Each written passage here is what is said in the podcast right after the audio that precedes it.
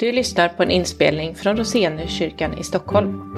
Vi vill ha Jesus i centrum, stå på Bibelns grund och vara ett andligt hem med hjärta för Stockholm.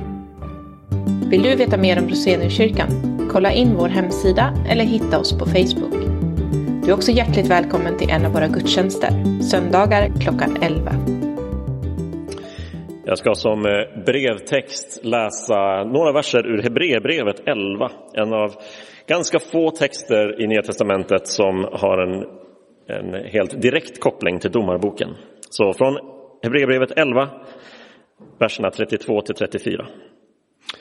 Vad mer ska jag säga? Tiden räcker inte för att berätta om Gideon, Barak, Simson och Jefta, om David, Samuel och profeterna. Genom tron besegrade de kungariken, skipade rätt, fick löften uppfyllda, stängde lejons gap, släckte rasande eld och undkom svärdets ägg. De var svaga, men fick kraft. De blev starka i strid och drev främmande härar på flykten. Så lyder Herrens ord. Gud, vi tackar dig. Vi ber. Gud, vi tackar dig för ditt ord. Vi tackar dig för dess eh, rikedom, dess eh, fantastiska mångfald av eh, berättelser, brev, sånger, profetior, bud. Tack för att ditt ord vittnar om vem du är, att det vittnar om vem Jesus är. Hjälp oss att lyssna till det du vill säga till oss idag genom det här ganska speciella och svåra avsnittet eh, och tillämpa med din ande ditt ord in i våra hjärtan och våra liv. Amen. Så det här är den femte veckan i rad som vi vistas i Domarboken. Och eh, jag vet att eh, flera har, jag vet många har uttryckt uppskattning för att vi har tagit oss tiden med den här boken. Eh, därför att det har hjälpt eh, oss, tror jag alla, att se att det finns mer i domarboken än det där som man liksom lägger märke till vid första ögonkastet, första anblicken. Det kan kännas som att det är en förvirrad bok bara och man kan fastna vid allt våld, allt det hemska som händer. Men börjar man titta närmare så ser man att även i en tid då det är ganska illa ställt med Guds folk så är Gud sig själv. Är Gud god, trofast, faktiskt närvarande trots allt? Och man märker att den här boken är inget slarvigt ihopkast, den är full av symmetrier och full av en, en väldigt eh, noggrann, genomtänkt eh, form för att bära fram sitt budskap. Ett sådant exempel är hur vi har eh, alla de här domarna i bokens eh, mitt som utgör liksom huvuddelen av bok. Men så finns det en inledning och en avslutning i boken som motsvarar varandra väldigt tydligt. Först en politisk prolog om tillståndet i landet. Sen en mer andligt fokuserad inledning om det, det andliga tillståndet i landet. Sen kommer domarna. Sen kommer en, ett andligt efterord med en analys av tillståndet i landet. Och allra sist igen ett politiskt eh, efterord. Hur såg det ut i landet vid bokens slut? Boken är helt symmetrisk som en spegelbild. Eh, där också domaren som står i mitten, Gideon, som också fick bli i mitten av vår predikoserie, är den sista domaren som lyckas vinna fred för sitt folk. Efter honom står det aldrig längre att det blir fred i landet.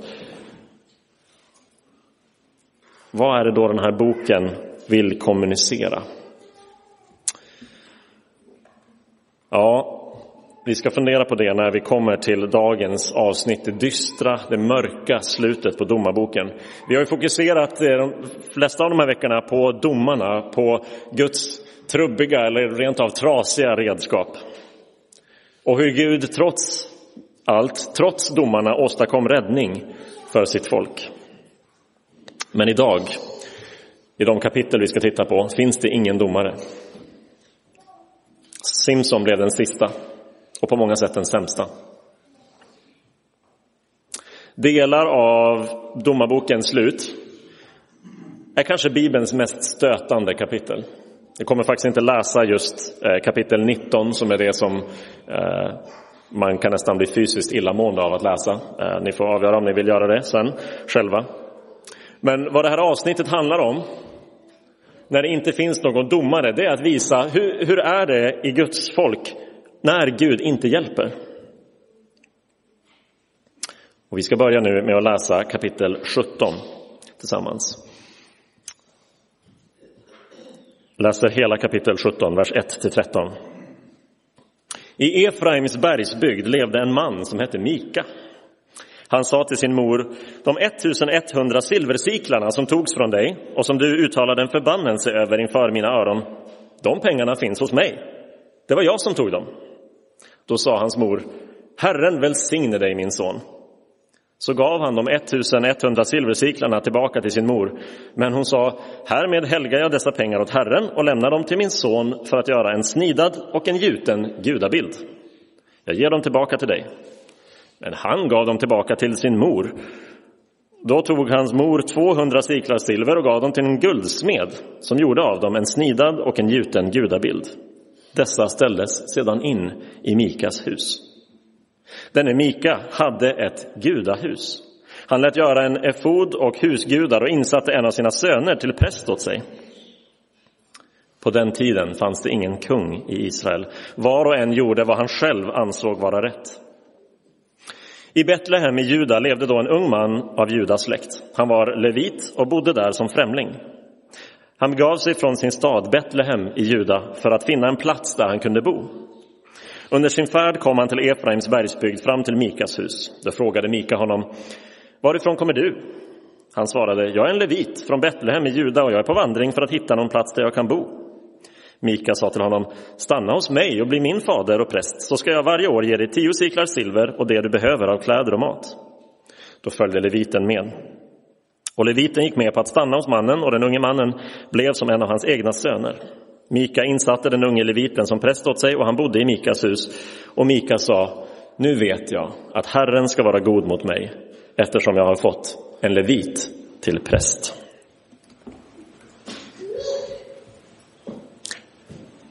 Vad är det som händer här? Kapitel 17 i Domarboken är lite som att läsa en fars. Människor beter sig märkligt, varenda en av dem. Det finns ingen hjälte i det här kapitlet. Det finns en huvudperson, så låt oss prata om honom, Mika. Han har stulit massvis med silver av sin egen mamma. Det är inte det bästa sättet vi kan, liksom det bästa första intrycket vi kan få av någon. Men en dag bestämmer han sig för att eh, berätta för sin mamma att det var han som hade tagit dem och nu vill han lämna tillbaka dem. Och mamman reagerar väldigt märkligt och säger inte, det finns ingen försoning, ingen uppgörelse. Hon säger bara, Herren välsigne dig. Du kan behålla pengarna. Men han säger, nej, nej, jag ger dem tillbaka till dig. Nej, men ta dem du. Väldigt märkligt utbyte av silver fram och tillbaka. Inte ska väl jag ha dem här. De kommer på att det de ska göra med i alla fall en del av det här silvret är att göra en gudabild. Och ställa upp den i ett gudahus. Och göra en prästdräkt, en efod och husgudar. Och Mika rekryterar först en av sina egna söner till en präst och sen hittar han en kringvandrande man, eh, en levit till och med, som går med på att bli hans präst istället. Vilken märklig historia. Vad är poängen med den? Vart ska den ta vägen? Det är någon slags fars, någon slags svart komedi, för alla är ytterligt och djupt förvirrade. Och vi ser här vad som är problemet med bilder av Gud. Här ser vi en, eh, människor i Guds eget folk och till och med en levit, en som eh, hörde till en stam som särskilt var utvald av Gud för att vara Guds tjänare i tabernaklet som medvetet bryter mot ett av Guds bud att göra bilder att tillbe. Men Mika är väldigt glad och nöjd över att han har fått en sån bild. Upplösningen till den här berättelsen, det som ska liksom leverera någon slags, vad, vad fick vi ut av det här? Är att Mika säger tryggt och glatt till sig själv, nu vet jag att Herren ska vara god mot mig eftersom jag har fått en levit till präst. Hur kan han veta att Gud ska vara god mot honom när han har brutit mot ett flertal av Guds bud? Ja, genom just att han har skapat sin egen Gud, skapat en bild av Gud, så kan han veta att den här guden kommer vara god mot honom, kommer säga trevliga och vänliga saker. Det är Mika som har skapat guden, så Mika bestämmer. Det är det som är det farliga med att skapa oss bilder av Gud. Gudar som vi själva har skapat blir ju bara projektioner av oss själva. De blir som ett eko av våra egna önskningar. En del av 1800 och 1900-talets skarpaste kritik mot religion och kristen tro har kommit från människor sådana som Feuerbach och Marx och Freud som har sagt Gud är bara en snuttefilt för de svaga, bara en projektion av mänskliga behov upp mot himlen. Och det vi ser här är att det absolut är en risk för människor att skapa sig sådana bilder av Gud. Bibelns Gud är inte den sortens Gud men när människor får bestämma själva så är det precis den sortens Gud man skapar, som bara säger vänliga och snälla saker. Mika utbrister glatt att Gud kommer vara god mot honom för att han har fått en levit till präst. Han är som en person som säger jag har fått frid över det här när man går rakt emot vad Gud har sagt i sitt ord. I början av tv-serien Tjernobyl som jag tror att det börjar bli dags att se en gång till för att det var, den var så fantastiskt bra. Eh, så finns det en incident som påminner om det här. När olyckan på kärnkraftverket nyss har ägt rum och om man diskuterar hur illa ställt är det egentligen och man sitter i ett rum i källaren och konstaterar att okej, okay, det är inte helt bra, men det kunde varit värre. Strålningen här runt omkring är 3,5 röntgen. Inte bra, men inte förtvivlat. Det är bara ett problem. Mätresultatet 3,5 röntgen har registrerats av mätare som går till 3,5 röntgen. Och det är ett väldigt bra sätt att undvika dåliga nyheter är att inte överhuvudtaget registrera det som inte passar in i det man vill höra. Långt senare kommer en karaktär och säger det är inte tre röntgen, det är 15 000. Mika är som en av dem som säger att jag har, jag har skapat en, en väldigt bra Gud här. Jag har brutit mot Guds, den riktiga Gudens alla bud, men den Gud jag har här nu kommer vara god mot mig. Och nu kan jag vara glad och känna mig trygg och känna frid i hjärtat. Det är problemet, ett av problemen med att skapa egna bilder av Gud. Så redan här så skaver det i oss, för vi måste ställa oss frågan, har vi en Gud som får lov att säga emot oss? Läser vi hela Bibeln? Låter vi den utmana oss, konfrontera oss? Eller har vi en Gud som alltid bara är medhårs och vänlig? Trevlig, trevlig, trevlig. Eller helig, helig, helig.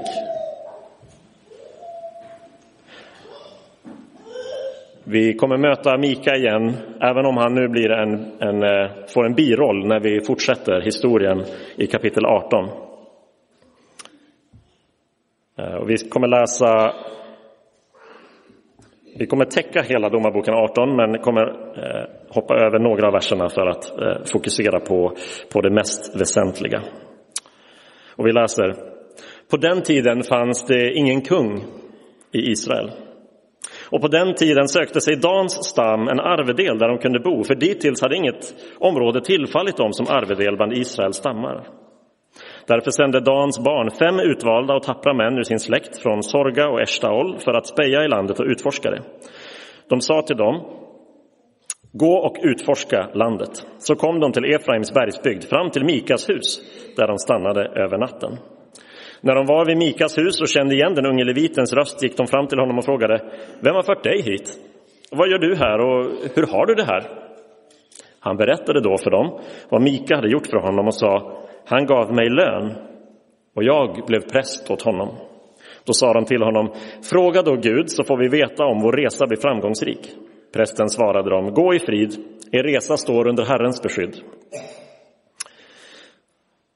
Då gick de fem männen vidare och kom till Laish. De såg hur folket där bodde i trygghet, stilla och trygga som sidonier och att ingen gjorde dem någon skada i landet genom att försöka ta makten. De bodde långt från sidonierna och hade inget med andra människor att göra. När de kom tillbaka till sina bröder i Sorga och Eshtaol frågade bröderna dem, vad säger ni? De svarade, kom, vi drar ut mot dem. För vi har sett landet och funnit att det är mycket gott. Vad väntar ni på? Tveka inte att rycka ut och inta landet.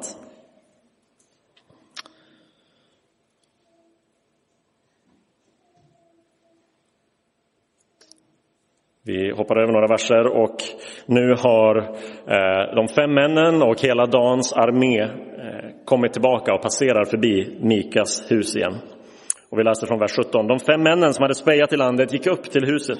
De gick in och tog den snidade gudabilden, efoden, husgudarna och den gjutna gudabilden medan prästen stod vid ingången till porten tillsammans med de 600 beväpnade männen. När de fem männen hade gått in i Mikas hus och tagit den snidade gudabilden, efoden, husgudarna och den gjutna gudabilden sa prästen till dem, vad är det ni gör? De svarade honom, var tyst, sätt handen för munnen. Följ med oss och bli vår fader och vår präst. Är det bättre för dig att vara präst för en enda mans hus eller att vara präst för en hel stam och släkt i Israel? Då gladdes prästen i sitt hjärta och han tog efoden, husgudarna och den snidade gudabilden och följde med folket. Vi kommer till vers 23 när Mika har upptäckt vad som har skett och, och börjar jaga efter eh, det här följet. Och han och hans män ropade på dem. Då vände sig Dans barn om och frågade Mika, hur är det fatt eftersom du kommer med en sån skara?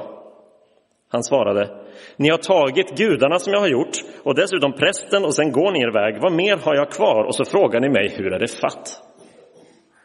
Men Dans barn sa till honom, vi vill inte höra ett ord till från dig. Annars kanske några män blir arga och går till anfall mot er och ni mister era liv, både du och ditt husfolk. Därefter fortsatte Dans barn sin väg och när Mika såg att de var starkare än han vände han tillbaka hem. Sedan de hade tagit både det som Mika hade gjort och hans präst anföll de folket i Laish som levde stilla och i trygghet. De slog dem med svärd och brände staden. Och ingen hjälpte den, hjälpte dem, men förlåt, ingen hjälpte den, för den låg långt från Sidon och folket hade inget att göra med andra människor. Staden låg i Bet Rehobs dal. Daniterna byggde upp staden och bosatte sig där. Där ställde Dans barn upp den snidade gudabilden åt sig. Jonatan, son till Gershom, Moses son, och hans söner var präster åt Dans stam ända till dess att landet fördes bort i fångenskap.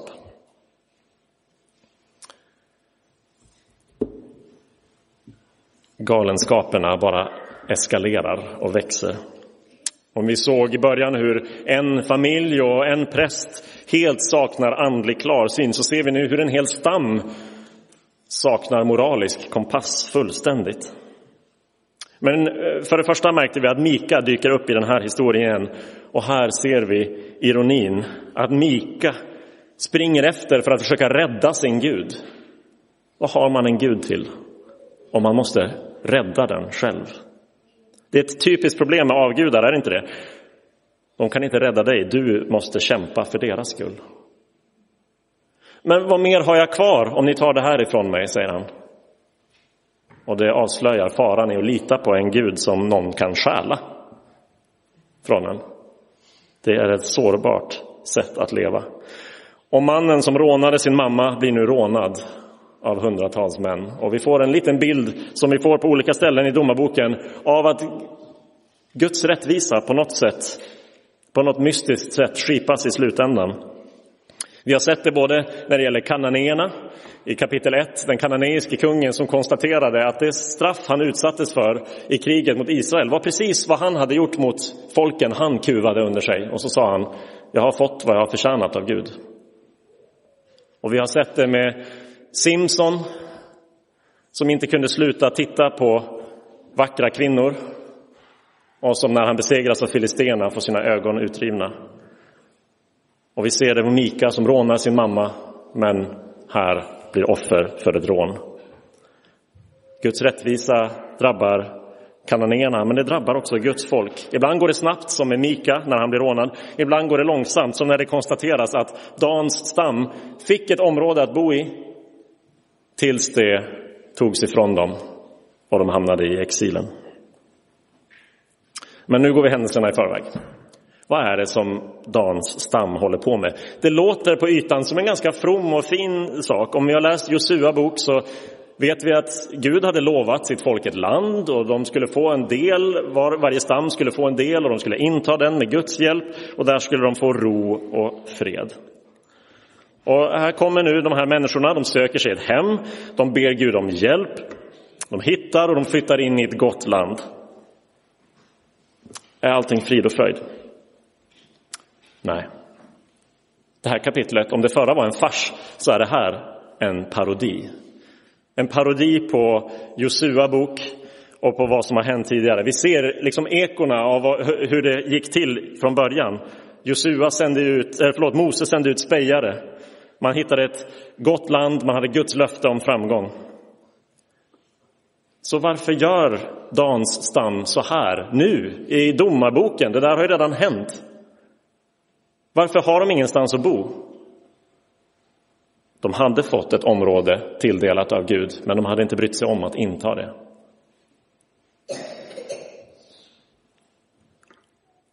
De tycks fråga Gud, men det är ganska intressant att de säger inte fråga Herren, Israels Gud, utan bara fråga Gud, den här gudabilden du har. Det spelar inte så stor roll vilken. Och de frågar inte om det är rätt det de ska göra, de frågar bara om de ska bli framgångsrika, vilket är fel mått på vad vi ska göra med våra liv.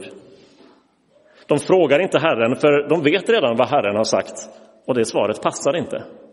Vad praktiskt då att här finns en, en handgjord Gud som ju svarar precis vad man vill att den ska svara. Vi vet ju redan på förhand att den där guden kommer ge dem precis det svar de vill ha. Gud har gett er hand, säger den. Och fast vi har sett i Josua bok och tidigare domarboken att Israel på något sätt i ett, i ett fullständigt unikt undantag i hela världens historia hade fått en roll att spela som Guds instrument för att eh, vara Guds dom över kananéerna så är det inte så berättaren beskriver det som händer här. Tvärtom låter det som bara, inte ett, inte ett rättfärdigt krig utan ett plumpt överfall. En stad som lever i fred och stillhet. Men Dans stam förkastar sitt eget område som Gud har gett dem för att överfalla den här oskyldiga staden. Det vi ser i det här kapitlet är den starkes rätt att ta precis vad de vill ha. Ett område land, en präst, några gudar med ett språkbruk som är typiskt banditer. Var tyst nu, annars kanske någon av oss blir arga. Alltså jag kan inte garantera din säkerhet om du fortsätter prata sådär. Så ihåligt, så cyniskt. Men prästen rationaliserar det och tänker, ja, det ligger något i det. Det är ju bättre att vara präst åt en hel stam än att vara en familj. Tänk hur många fler jag kan nå. Vilket bra karriärsteg. Men ingen välsignelse. Och kapitel 18 slutar så sorgligt, för nu får vi plötsligt veta vem den här leviten är. Han är en av Moses egna efterkommande. Barnbarns barn eller någonting sådant till Mose. Som går med på det här. Vad Dans stam vill göra är att de vill ha Guds rike helt utan Gud. De vill ha land, men inte det land som Gud ger dem. De vill ha en religion, men inte den som Gud har uppenbarat. De vill ha präst, men inte de som Gud har instiftat. Vi vill ha vårt eget land utanför Guds område. Vi vill ha vår egen religion utan Guds förbund. De vill ha Guds rike utan Gud. Den australiensiske pastorn Mark Sayers, han talar så här. Eh, han har eh, använder ett liknande begrepp för att beskriva vad vår kultur försöker göra. Postkristenheten, säger han, är västvärldens projekt att gå vidare från kristen tro och samtidigt fortsätta njuta av kristendomens frukter.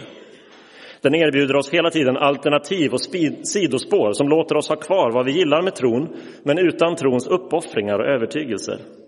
Den kräver inte att vi avfaller, utan bara att vi omformar tron för att passa samtidens konturer och erbjuder oss frihet och njutning i utbyte. Den utmanar inte vår tro rakt på i en debatt, utan använder mjuk makt. Ett kontinuerligt bakgrundsbrus av möjligheter och lockelser som liksom löser upp vår överlåtelse. Vi erbjuds en hägring som lovar oss gemenskap utan överlåtelse, tro utan lärjungaskap, Guds rike utan Gud som kung. Det här är så otroligt sorgligt att läsa om. Hur Guds folk gör så här. Och, och det, det liksom bara eskalerar för varje kapitel. En förvirrad familj, ett vilset prästerskap, nu en hel stam som är helt korrupt. Kapitel 19, 20 och 21 kan väl ändå bjuda på en vändning och ett lyckligt slut? Vi läser den sista, den allra sista versen i Domarboken från kapitel 21, vers 25.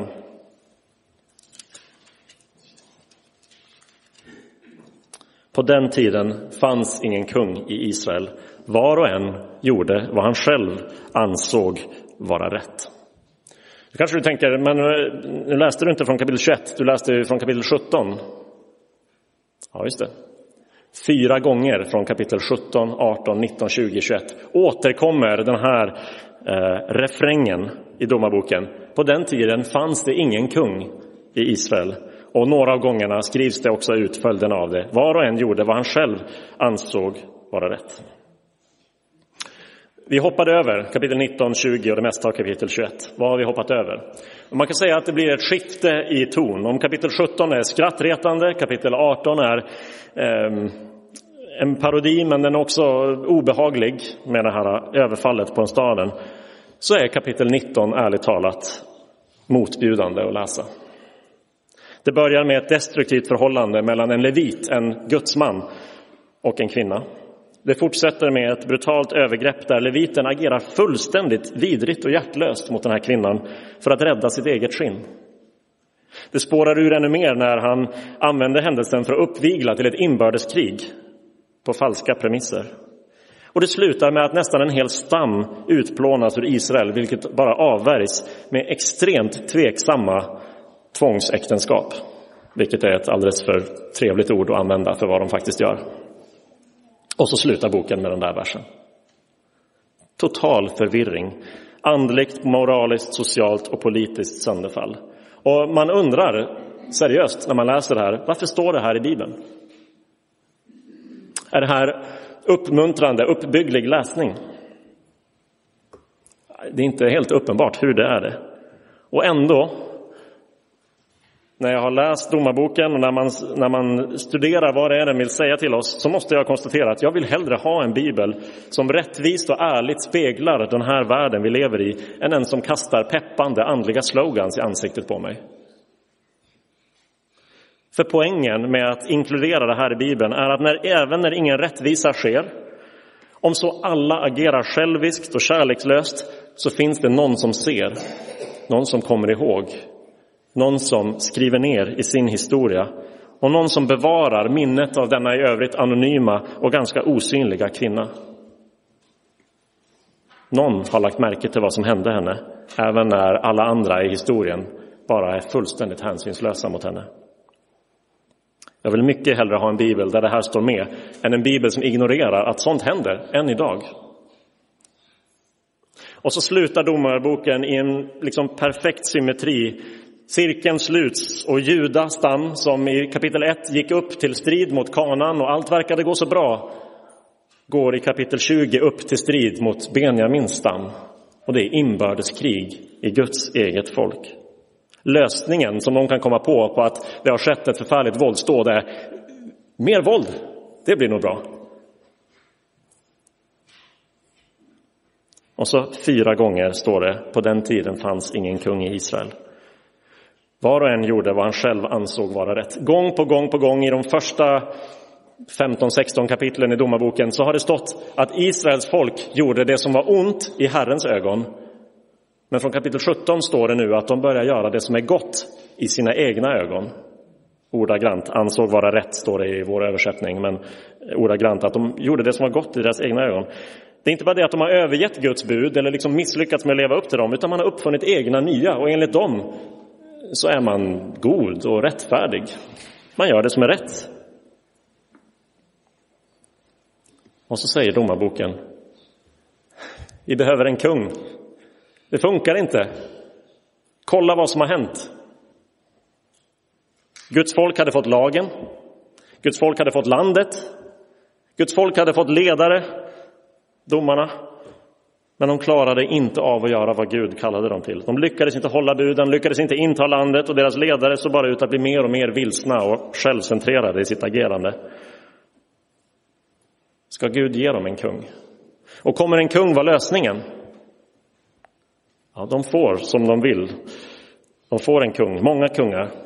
Och ibland går det bra och ibland går det dåligt. Men ingen av dem lyckas lösa det djupa, det grundläggande problemet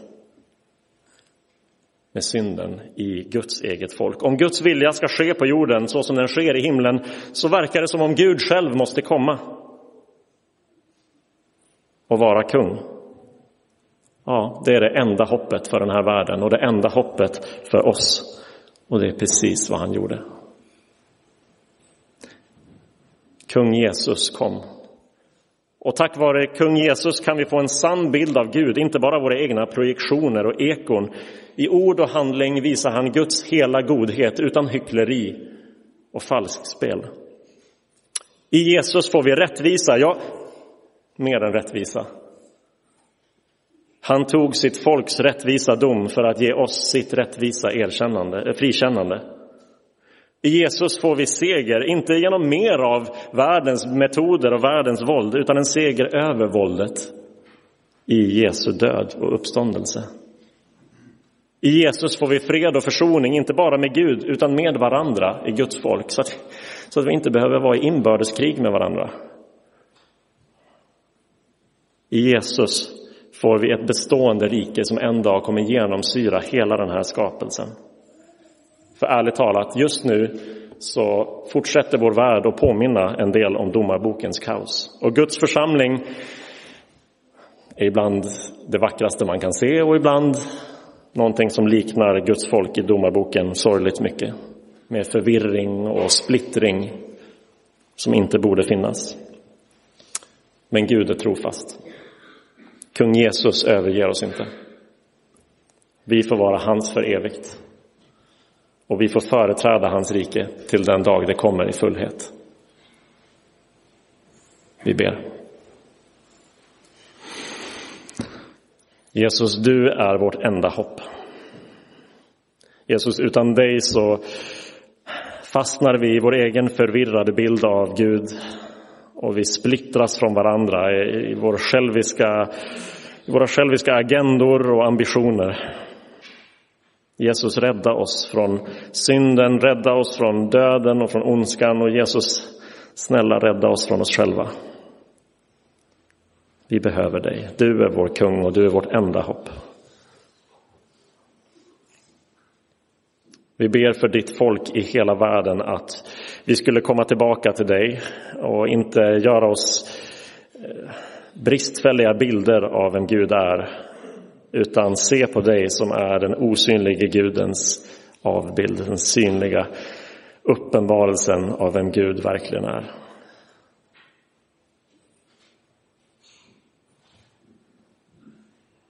Tack Jesus för vem du är och vad du gjort för oss. Hjälp oss att aldrig glömma eller gå någon annanstans än till dig. Amen.